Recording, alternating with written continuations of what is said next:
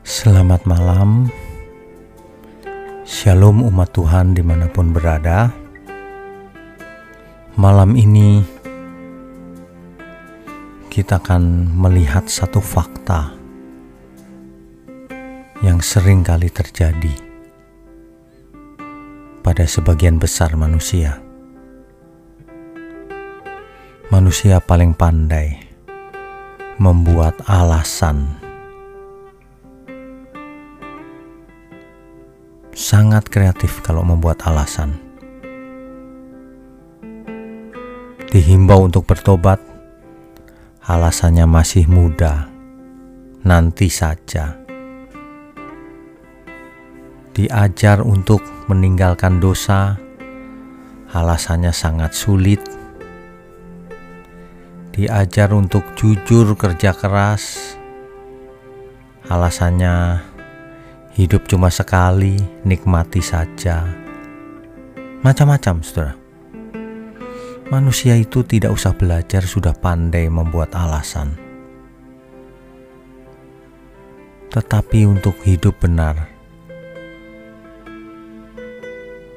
itu perlu usaha, perlu tekad. Jika seseorang sudah biasa beralasan ini itu, ia tidak akan pernah bisa belajar. Dalam hidupnya ia tidak akan pernah belajar, sehingga ia tidak akan pernah maju dan sukses. Apalagi kalau kita bicara soal perkenanan Tuhan.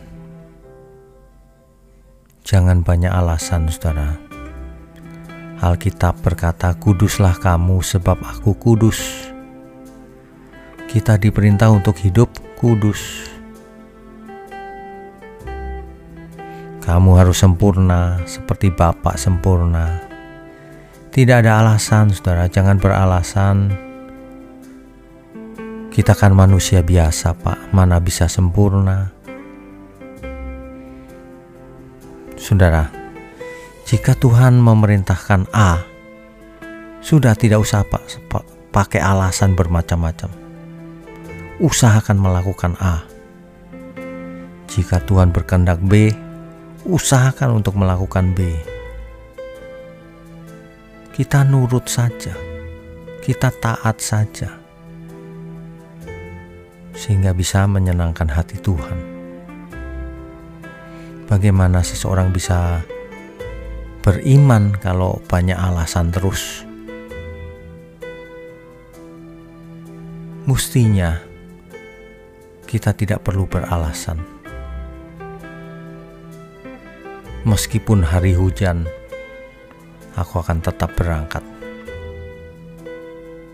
Beda dengan orang yang beralasan, sudah gerimis nanti saja.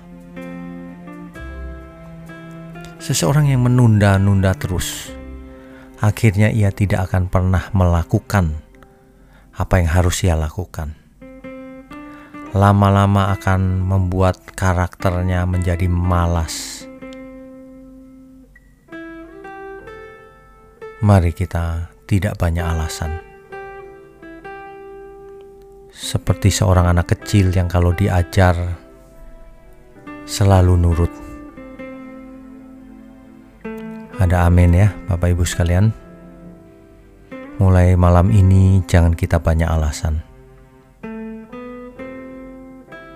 Selamat beristirahat Bapak Ibu.